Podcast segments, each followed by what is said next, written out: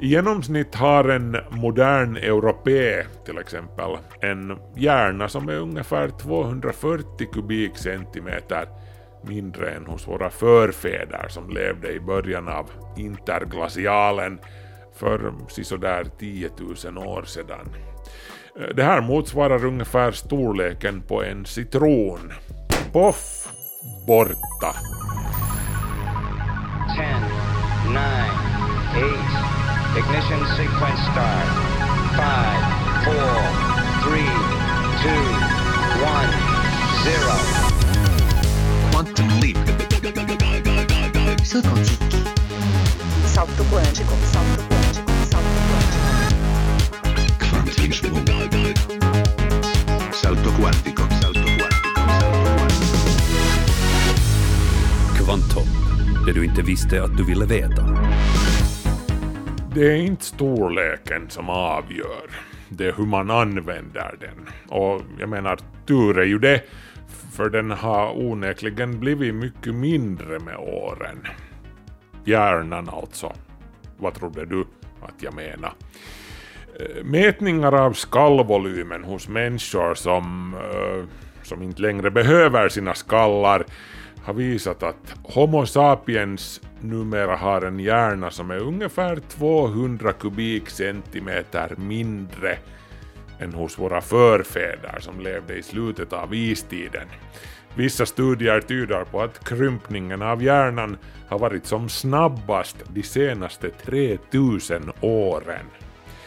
Och ingen vet riktigt vad det här beror på. Men det är ett fascinerande exempel på att evolutionen aldrig tar en paus. Inte heller människans evolution.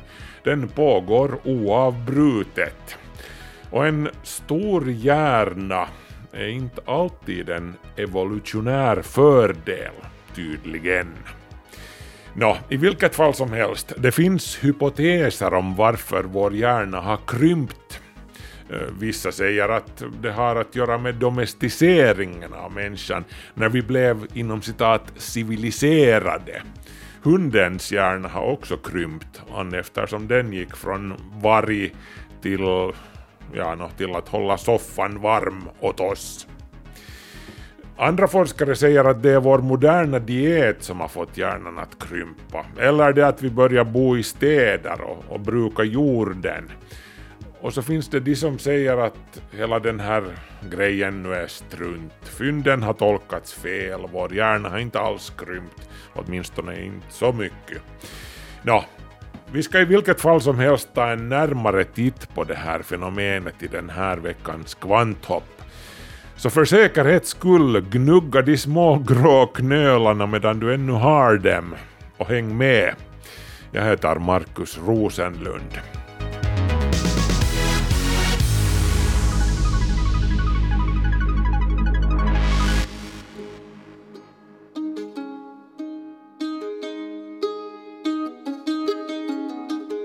Följer man människans utveckling bakåt genom årtusendena och årmiljonerna så kan man lätt få den uppfattningen att storleken verkligen har betydelse. Trenden har under de senaste tre miljoner åren gått mot en allt större hjärna. Ökningen av hjärnvolymen har inte varit snabb hela tiden, det har gått gradvis men riktningen har varit klar och tydlig. I genomsnitt har vår hjärna vuxit med 70 kubikcentimeter varje 100 000 år eller så under de senaste tre miljoner åren. Människans hjärnstorlek nästan fyrdubblades under de sex miljoner åren sedan Homo senast delade en gemensam förfader med schimpanser. Och det har ju alltså inte skett per någon sorts automatik för att en större hjärna utgångsmässigt alltid skulle vara bättre. Evolutionen funkar inte så. Lika lite som flykt alltid är bättre än att inte flyga för en fågel. Fråga pingvinerna vars förfäder kunde flyga men beslöt sig för att sluta upp med det. Eh, evolutionen bryr sig bara om en sak. Blir det flera bebisar? Eller inte? Ger en viss egenskap oss bättre chanser att få fler barn som överlever till könsmogen ålder eller inte? Och i långa tider var en gradvis allt större hjärna någonting som bättrade på just de chanserna för släktet Homo. Men sedan, relativt med ens, hände någonting som tycks ha vänt på den trenden. Vår mäktiga hjärna som hade gett oss språket, elden och allsköns effektiva redskap började krympa. Och som sagt, det hände faktiskt med ens rätt nyligen dessutom mätt enligt evolutionens långa tidsskala. Eh, vändpunkten tros ha inträffat ungefär där som den senaste istiden började gå mot sitt slut för cirka 30 000 år sedan. I genomsnitt har en modern europé till exempel en hjärna som är ungefär 240 kubikcentimeter mindre än hos våra förfäder som levde i början av interglacialen för sisådär 10 000 år sedan. Det här motsvarar ungefär storleken på en citron. Poff! Borta! Det är ju intressant att notera hur som helst att den här minskningen av hjärnvolym hos den moderna människan eh, sammanfaller med våra främsta framsteg inom konst, vetenskap och kultur. Eh, den minskade hjärnvolymen tycks inte ha medfört någon motsvarande nedgång i kognitiv förmåga. Eller nåja, ibland undrar man ju när man läser kommentarspalterna på webben.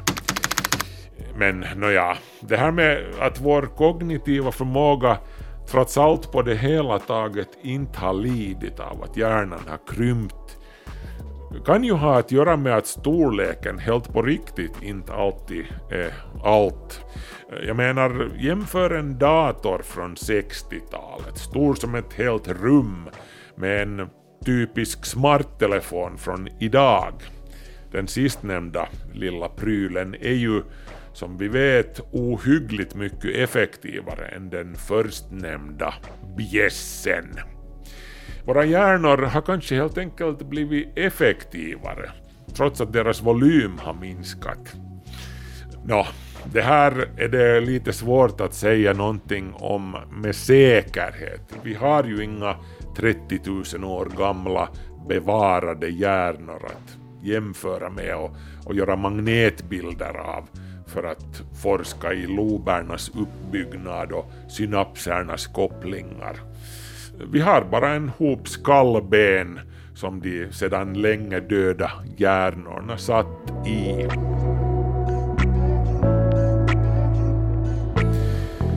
Men i vilket fall som helst så tycks våra hjärnor ha blivit mindre sedan istidens höjdpunkt. Rejält mycket mindre. Och, och, det finns några hypoteser om vad det här kan bero på. Jag tänkte använda resten av det här avsnittet åt att titta lite närmare på dem och på vad det här kan ha för följder med tanke på vår fortsatta existens som civilisation. Okej då, eh, hypotes nummer ett. Och, och då går vi in på ett tema som jag redan har avhandlat här i Kvanthopp. I fjol gjorde jag ett avsnitt på det här med hur människan domesticerar sig själv. Lite sådär som vi domesticerade hunden. Vi har med tiden gradvis rotat ut grottmännen bland oss, så att säga. Blivit mer rumsrena och mindre benägna att lösa alla dispyter med en knölpåk. Lite på samma sätt som hunden har gått från den blodtörstiga vargen till, ja, den där kramgoa saken som sover där i mitt soffhörn just nu. Oj, vet du vad du är fin? Ja, hej. Uh, antropologerna talar om ett naturligt urval mot reaktiv aggression. Fast nej, det här innebär alltså inte att vi helt skulle ha frångått våra gamla fasoner. Vi tycker till exempel fortfarande om att kriga, uppenbarligen. Men det är inte så mycket det som reaktiv aggression handlar om. Eh, reaktiv aggression är mera det här att eh, bränna propparna och flyga på folk omkring oss av minsta lilla orsak. Den här sortens gener har det naturliga urvalet synbarligen till en stor del benat ut ur vår population. Precis som vi med tiden har benat ut den här sortens beteende ur våra husdjur genom att aktivt avla fram den sortens djurindivider som är mera beskedliga, tillgivna och ja, snälla helt enkelt. För att de ska vara lättare att hantera, för att de inte ska stånga oss eller bita oss när vi försöker mjölka dem och så vidare. Samma sak tycks vi ha gjort på lite andra sätt och vis, mer eller mindre omedvetet, med oss själva.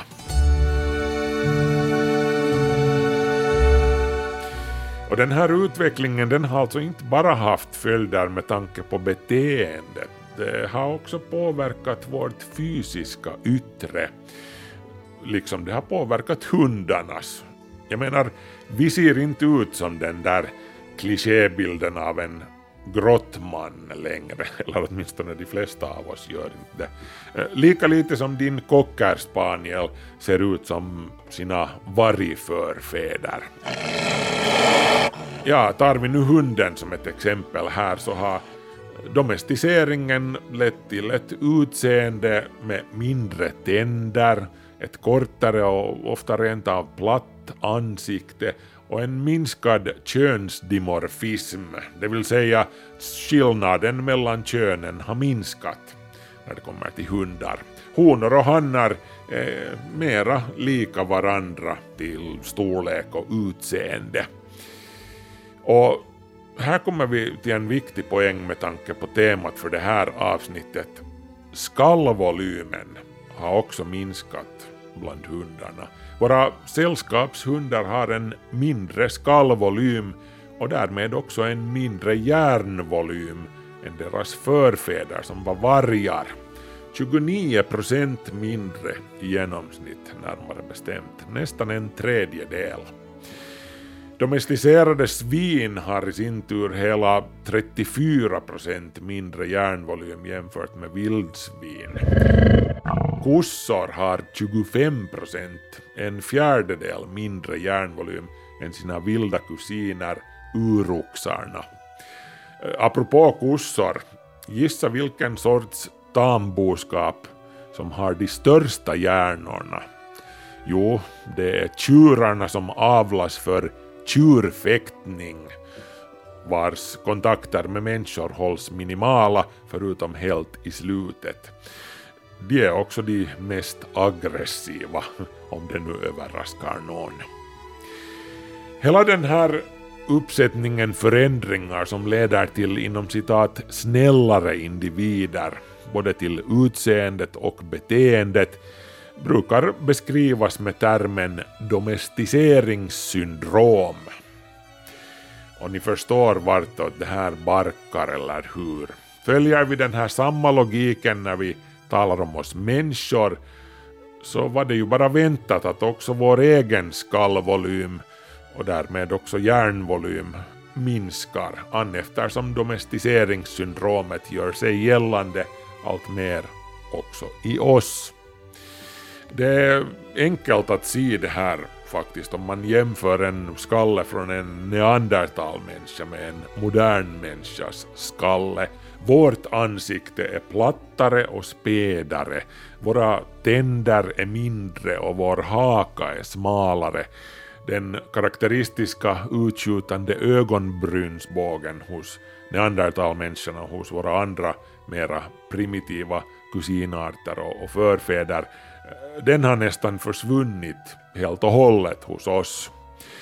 Och jo, våra hjärnor är också aningen mindre än neandertalmänniskans.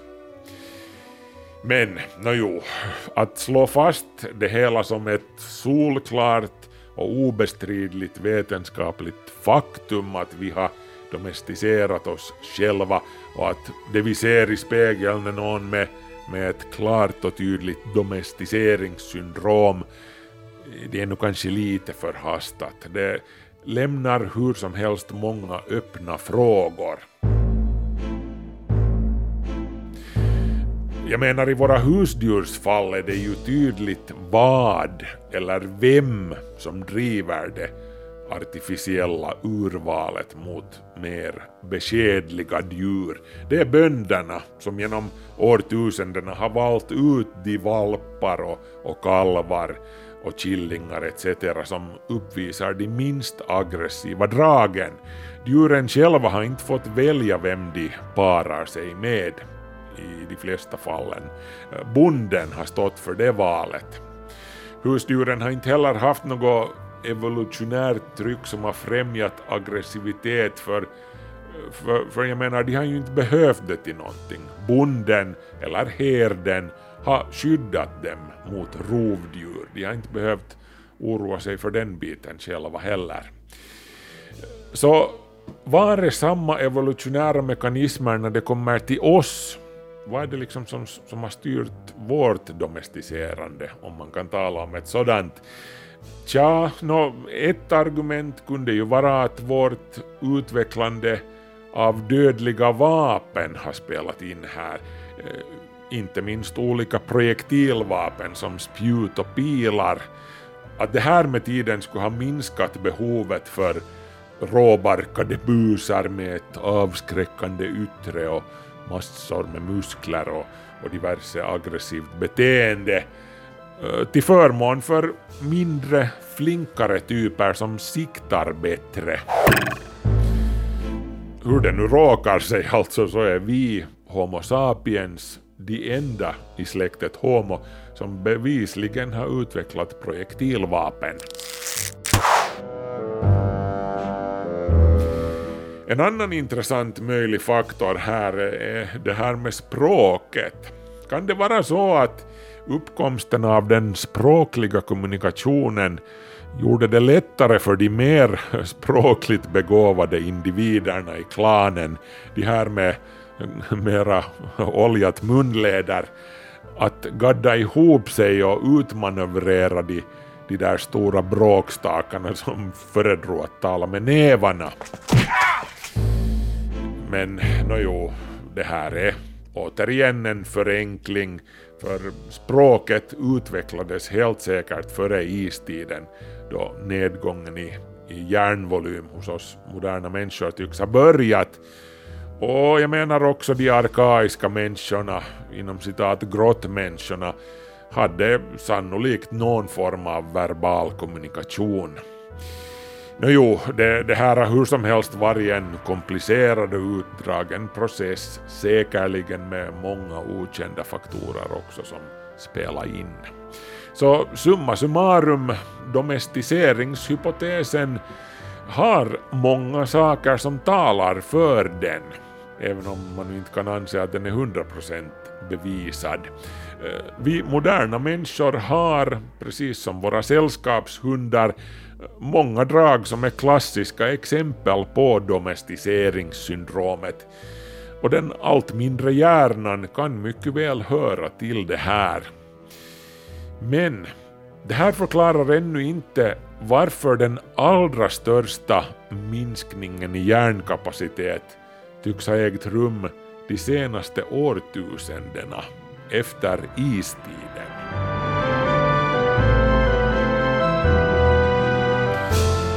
Okej, och då kommer vi till hypotes nummer två. Låt oss titta närmare på den. Och den går ut på att vi i största allmänhet har blivit mindre till formatet. Människans kroppsstorlek har på det hela taget krympt de senaste 30 000 åren eller så. Och det finns en helt vettig förklaring till det. Efter istiden skedde det nämligen ett skifte i vår diet. Vi gick allt mer över från att jaga storvilt, inte minst enorma mammutar och ullhåriga noshörningar, eh, till ett mera mångfaldigt leverne och småskaligt sådant.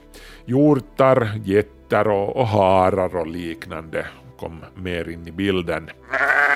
Det behövdes inte längre på samma sätt som förr enorma jättar till människor som kunde gå i närkamp med noshörningar, inte minst som pilbågen och kastspjutet var uppfunna.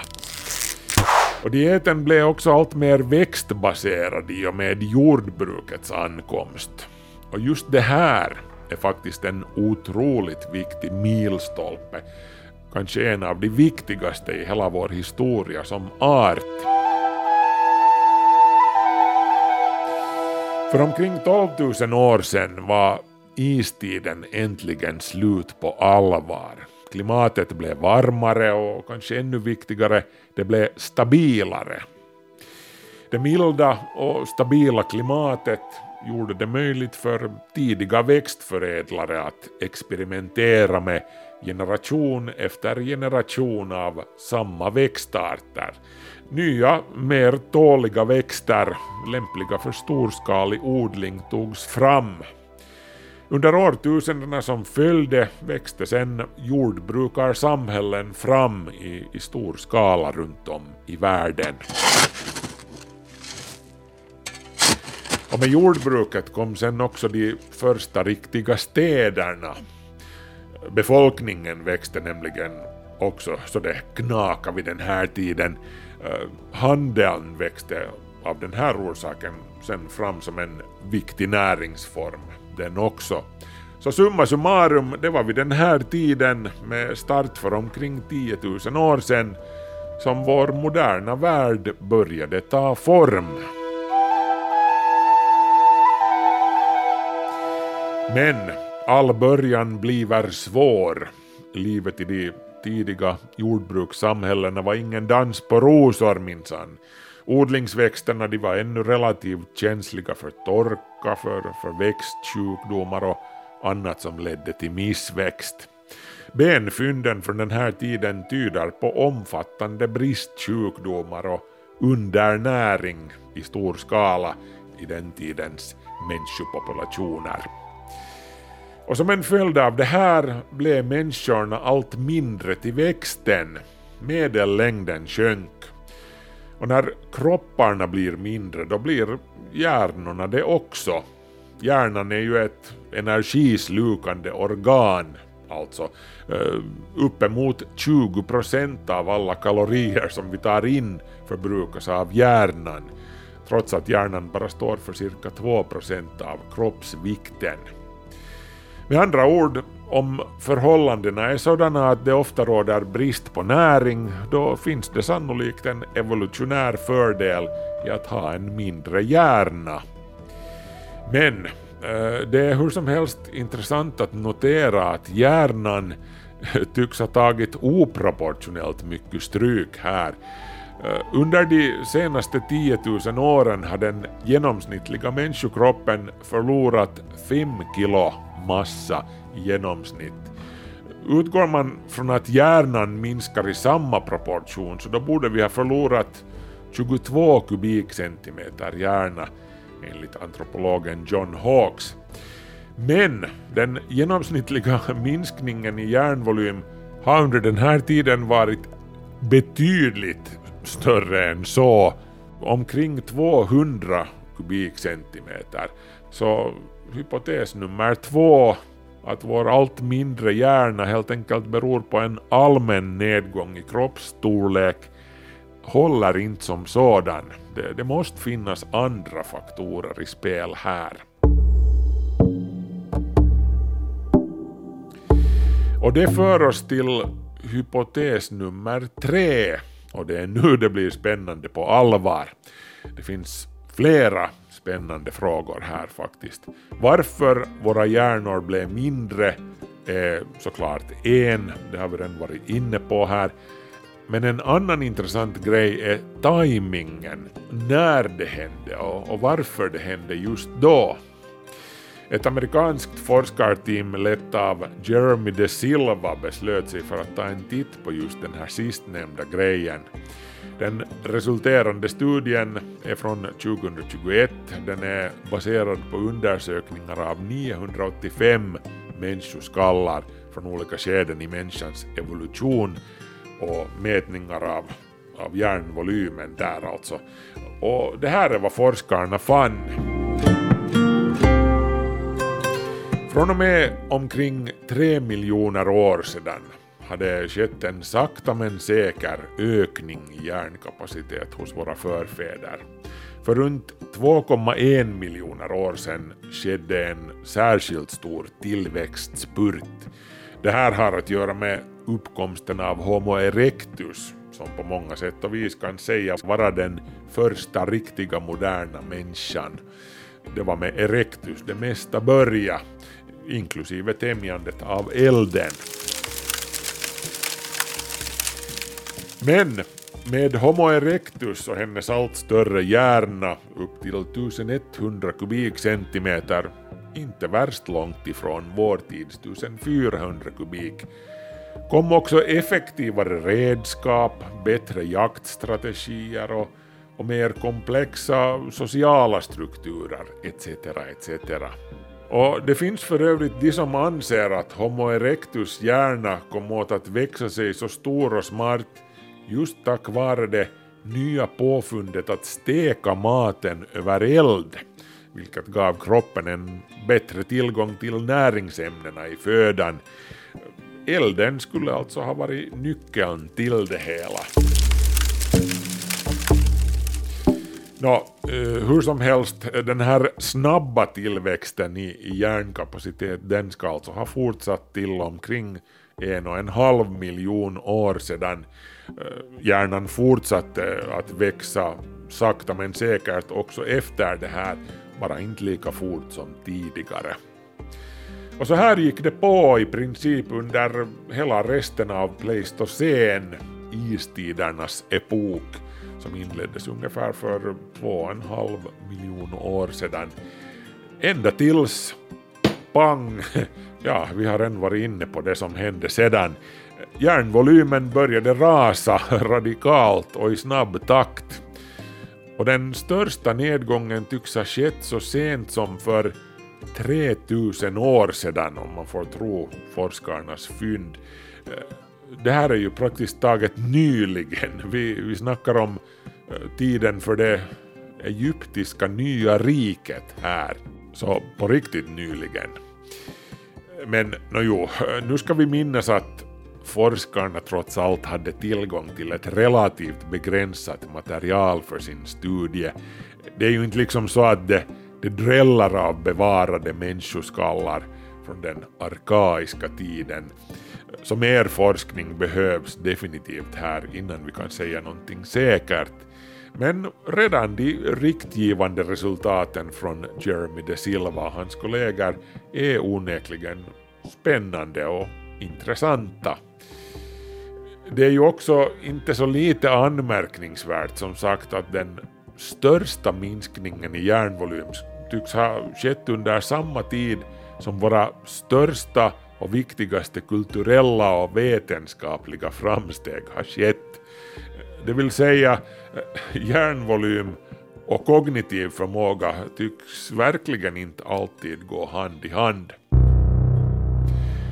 Så vad ska man dra för slutsats av allt det här nu då? Tydligen finns det någon sorts evolutionärt tryck som driver hjärnans utveckling mot det mindre men effektivare hållet. Jag menar en, en mindre hjärna kan ju ses som en evolutionär fördel i sig i och med att det underlättar förlossningen då barnets huvud är, är mindre. Men det här har ju liksom alltid varit sant, så, så det finns sannolikt någonting annat också dolt här. Uh, Jeremy de Silva och hans forskarteam de tänker sig att svaret kan ligga i vår teknologiska utveckling. Och den i sin tur kommer sig alltså från urbaniseringen som har skett de senaste fem till sju årtusendena. Ett urbant samhälle är komplext på så många olika nivåer. Urbaniseringen ledde till en allt större specialisering i människopopulationen. Alla behöver inte kunna och, och förstå allt när vi har ingenjörer och, och tekniker. Det- Det här är säkert någonting som de flesta kan relatera till, också jag. Jag menar, handen på hjärtat nu, hur många av er där ute förstår på riktigt hur en dator fungerar? Inte förstår jag det heller riktigt. Eller ens elektricitet. Jag menar, alla av oss använder ju varje dag en massa prylar som, som vi inte har någon aning om hur de egentligen funkar. För, ja, no, vi behöver inte veta det.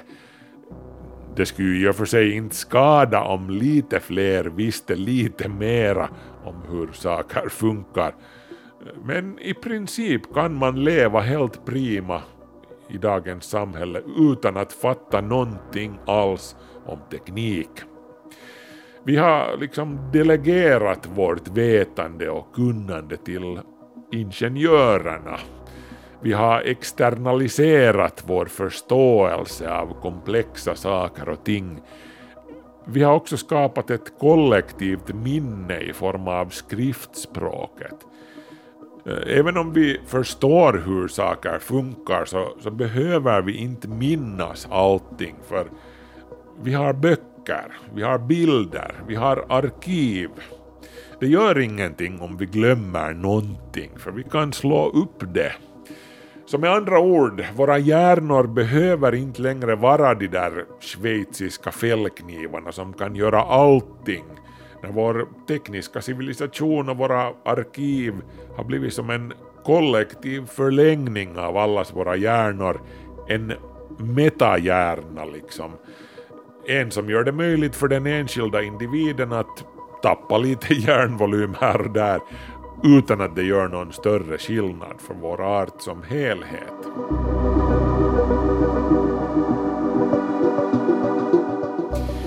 Jo, nu har vi alltså nått en, en nivå där det mesta är mer eller mindre spekulativt. Men man kan ju inte låta bli att fundera på de eventuella framtida konsekvenserna av allt det här. Hur mycket av det som nu sen sist och slutligen visar sig hålla streck. Jag menar, om, om de allt komplexare samhällsstrukturerna i kombination med externaliseringen av informationen och av själva tänkandet har fått våra hjärnor att krympa betydligt bara under de senaste tre årtusendena. Vart ska det hela leda under de följande 3000 åren med den takt som datorerna tar över allt mer just nu? För som sagt, hjärnan är ett hungrigt, energislukande organ. Det är inte ekonomiskt att uppehålla alla dessa individuella hjärnor. Ja, så här kanske evolutionen resonerar. Och med ens, tja, kommer vi att reduceras till någonting som motsvarar enskilda noder eller enskilda hjärnceller i, i en enda stor metahjärna. Är internet och de sociala medierna kanske början på det här?